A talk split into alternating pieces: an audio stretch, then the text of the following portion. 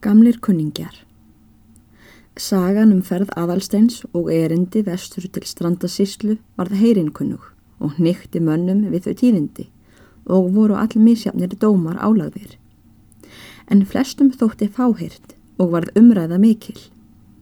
Sumir vildu ekki trúa því að aðalstein ætti annan föður en þann sem listur hafði verið og lögðu aðalsteini til líta að hann skildi taka þetta fyrir eftir óljósum grun eða óáreiðanlegri sögursögn og töldu honum hafa næri verið að una því sem komið var og engin maður reyndi en að flekka mannorð móður sinnar í gröfinni og myndi hann þar hafa gengist fyrir öðusvoninni því það fylgdi sögunni að steingrimur væri fjáður vel.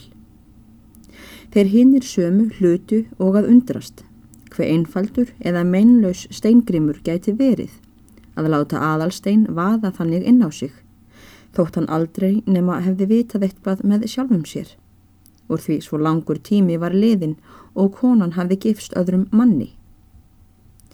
Og svo sem vantir að verða þá er lístur upp fáherðum tíðundum og þorri manna kennir ekki fótinn fyrir eða það samband atvika sem til grundvallar liggur svo fór og hér að talmanna blandaðist fráleitum hekiljum og hugarburði. Getgáturnar urðu margar og frábærlega sundurleitar og ótrúlegar og spunnust nú sögur upp sem engin vissi hvaðan komu og engin fótur var fyrir negat verið. Menn töluðu á þessa leið. Hann hefur vist frett þetta í skólanum eða skildi það ekki. Sjálfsagt því móðir hans var uppalinn í skálholti. Sá gerir móður sinni sóman í gröfinni. Heldur, en það er nú ekki hugsað um slíkt þegar auðisvonin er annars vegar. Svei, ljótt er ef satt væri. Eða þessi steingrimur. Já, sá hvað nú hafa verið brokkengur á yngri árum. Það segir hann hafi verið hjá biskupinum um tíma og hafi þá verið trúlofaður allra vænstu stúlku fyrir vestan en svo stúlka sagði honum upp þegar hún fretti að hann var að fara að draga sig eftir önnu. En óðara en biskupin komst að þessu ráðlægi, þá vísaði hann honum burt af heimilinu. En sveitnheitin að vera svona blindur. Það segir nú að biskupin hafi unnið hann með fjórum fortölum þegar hann vissi hvar komið var fyrir fósturdóttur sinni. Svei, svei. Já, þessir vita hvernig þeir eiga að hafa það. Þetta er nú ekki almúgin. Víst hefur líka síra Þorgrim eitthvað grunað, fyrst hann fór að taka drengin á beðin. Nærri má geta, hann hefur skamast sín fyrir hönd bróður síns. Það eru víst ólíkir bræður.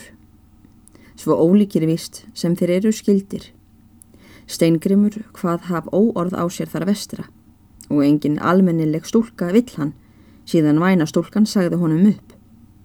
Náttúrlega Slikt er ekki gæfu vegur. Æjæja, þeim er öllum megin sem í myrkur rata.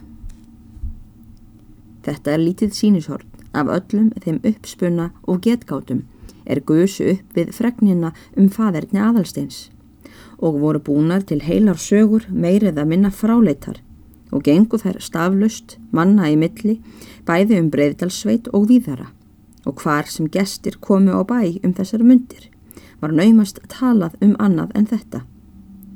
Sér í lægi veittustu menn að yngi myndi á gabli til að heyra frásöku hans og spyrja hans spyrunum úr, en báru síðan margt út eftir honum, íkt og bjagað á ymsar lundir.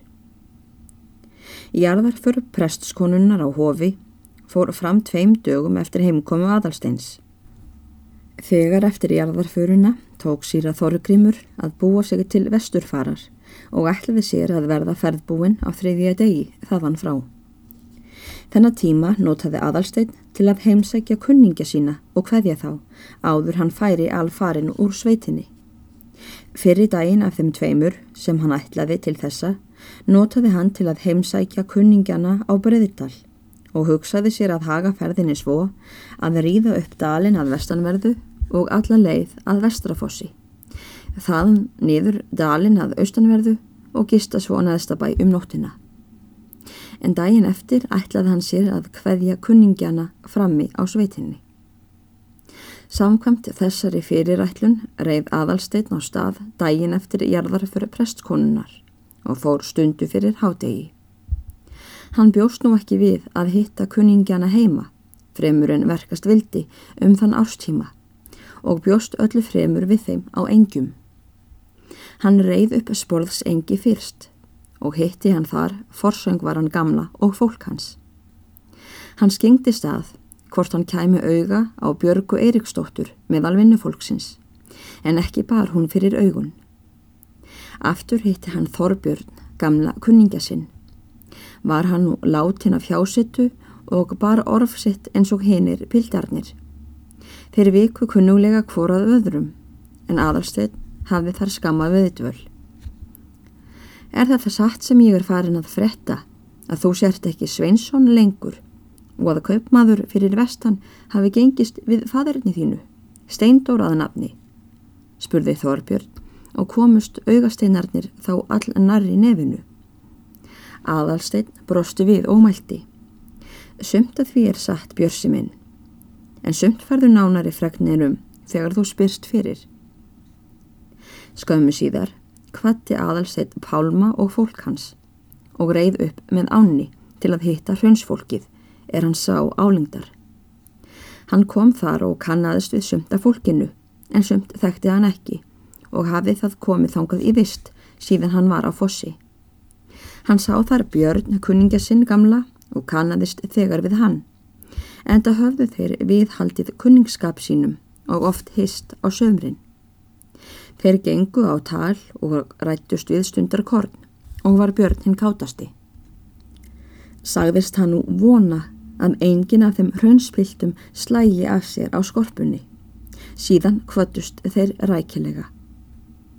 En sem aðalsteinn hafði kvart fólkið frá hraunni tók hann stefnuna þaðan af engjónum, beina leið upp að vestrafossi og greið hann þar í hlaðið um nónbill.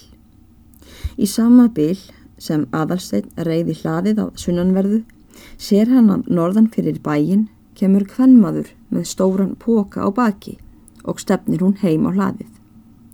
Hann hugsa sér að býða eftir hvernmanninnum og þykist vita að þar muni einhver af heimastólkunum vera að sækja eldi við til fjárhúsana. Þetta reynist rétt til getið. Þegar stúlkan verður þess vör að gestur er reyðin í hlaðið, leggur hún niður taðpókan hjá bæjarderunum og heilsar aðalsteitt þar, Björgu Eiriksdóttur er hann hafði áður verið samtíða á fossi og síðan á hofi. Þú ert þá orðin vinnukona hér í annaf sinn Björg mín, segir aðalsteinn og lítur brosandi við Björgu. Ó já, svarar hún, það má nú segja um mig að það ræður enginn sínum næturstað. Ég held þó einhver tíma að ég myndi ekki eigða fleiri nóttunum hérna á fossi. Svona ertu trygg í þér alltjent, segir aðalsteinn í kímleitur. Ég, ó nei, segir Björg. En hitt er það að maður lætur til leiðast á endanum þegar verið er að ganga eftir manni með grasið í skónum. Síðan dró hún niður í sér röttina og mælti. Það þarf alltjent einhvern að hafa hérna til að stjana undir sig og ganga í því versta. Og var nú auðfundið að Björg var fremur döf í dálkin hvað sem til kom, hvort sem það var eldi viðara burðurinn eða annað. Hvað líður Hannesi okkar þóvara núna, sagði aðalsteinn káttbróslega til bjargar til þess að viðra hann að dálítið upp. Hvað veit ég um það, svarar Björg önugt. Ég held mig varði lítið um hann, Karl Skrattan. Ég held ekki spurnum fyrir honum. Hann líklega tórir eins og hann er vanur. Jæja, Björg mín, mælti aðalsteinn. Ég skal ekki vera að nýsast eftir þessu. En hvað segir þau mér nú? Hvað er heima hér að fólki? En hún Jórun? Ég held hún sé laungum heima hún Jórun hérna, segir Björg. Svo slítur sér ekki út á engjónum. Það er öðruvísu en hún vigti svo sporði sem alltaf fer á engjarnar með stúlkunum sínum og rakar sem þremillin annar. Það er kona sem ekki reyngir stúlkunna sem heima er. Nei, steinu minn, þar fara ekki allar í fötin hennar gamlu vigtísar. Er þá ekki fleira fólk heima en Jórun? Nei, ekki síðan hann Guðmundur fór. Hann fór ofan eftir nýlega til að segja honum gísla að fólkið skildi fara að taka saman hegið. Þá er gísli hér enn. Hann gísli, já það held ég. Já hann gísli er hér. Það er óhætt um það. Það kann lægið hvað á öðru. En það býst ég við. Það myndi losna um fleiri hérna á fossi ef hann gísli færi. Um fleiri? Og já, það hugsa ég, svaraði Björg. Ég býst við, hún rann mig litla yrði hérna ekki lengi ef hann færi. Nú? Og það er ósköp að sjá hvernig stúlkan lætur eftir manninum, hérna að segja, mælti Björg og talaði nú látt. En það kann að vera að það sjáu það ekki allir, þó ég sjáu það. Það hefur versnað um allan helming síðan farið var á engjarnar og ekki að nefna að nokkur með ég bera askin hans nema hún. Jú, ég sé út undan mér, þó sömur haldi það ekki. Og hrætt er ég um að ranga sér pottur og panna í því að ég er látin að vera heima. En ég hef engum sagt þetta enn, nema þér steinu minn, því ég veit þú hefur það ekki eftir mér. En trú mér til, það fara fleiri að sjá það en hún björg einn. Það má sjá minna grand í matsínum. Já, ég björg mín, hvað sem öllu þessu nú líður, mælti aðalstinn þá langar mig til að fá að finna hana jórunni. Viltu skila því til hennar fyrir mig?